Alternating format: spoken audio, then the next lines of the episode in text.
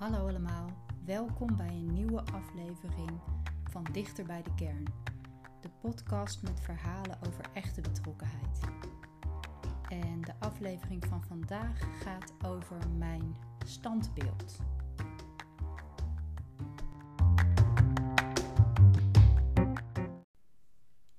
Standbeeld. Ik stel me voor dat er na mijn dood een standbeeld van mij wordt geplaatst vanwege mijn prachtige gedichten, mijn uitvinding van het eerste wetenschappelijk erkende perpetuum mobile of mijn bijdrage aan de wereldvrede. Dat maakt voor dit verhaal niet zoveel uit. Het standbeeld staat midden op de grote markt in Groningen. Maar ook dat maakt voor dit verhaal niet uit.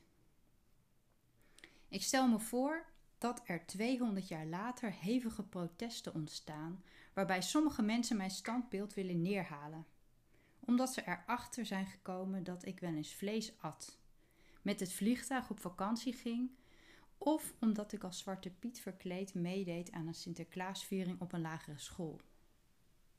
Andere mensen zullen mij verdedigen. Ze zullen zeggen dat die dingen, hoewel tegenwoordig natuurlijk zeer afkeurenswaardig en weerzinwekkend, in die tijd veel normaler waren en dat ik toch over het algemeen genomen best een goed mens was.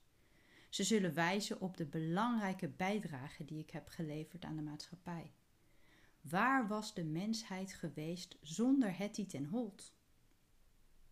Helden van vroeger te beoordelen naar hedendaagse maatstaven is zeker geen sinecure. Was J.P. Koen, bij wiens naam ik tot voor kort vooral moest denken aan de files bij de naar hem vernoemde tunnel, was hij vooral een visionair bestuurder of een vrede moordenaar? Hoe moeten we over zijn merites en die van andere omstreden geschiedfiguren oordelen? Hebben we onze huidige welvaart niet deels te danken aan mensen zoals hij? Hoe zou de wereld eruit zien als hij andere keuzes gemaakt had? Andersom stel ik me voor dat Harvey Weinstein en Jeffrey Epstein in de hoogtijdagen van het Romeinse Rijk misschien wel gerespecteerde vooraanstaande burgers zouden zijn geweest terwijl we hun gedrag in deze tijd verwerpelijk en zelfs strafbaar vinden. En hoe zit het met mij? Ben ik vandaag de dag een goed mens? En jij? Ik vermoed dat de twee groepen die ruzie over mijn standbeeld het niet eens zullen worden. Was ik een goed of een slecht mens? Verdien ik 200 jaar na mijn dood nog een standbeeld of niet? Alhoewel het me wijs lijkt voorzichtig te zijn om mensen uit het verleden en hun daden al te streng te beoordelen, vind ik het wel een heel goed idee om standbeelden periodiek aan een kritische evaluatie te onderwerpen en er zo nu en dan een paar te vervangen. Dat vergroot hopelijk ook meteen de diversiteit van de afgebeelde populatie. Bij deze verleen ik dan ook mijn toekomstige criticasters alvast mijn volledige toestemming om mijn standbeeld te verwijderen.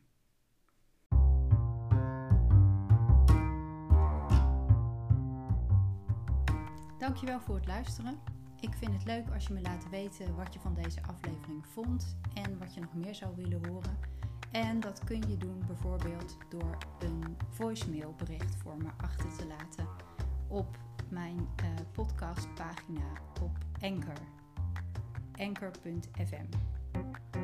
Tot de volgende keer.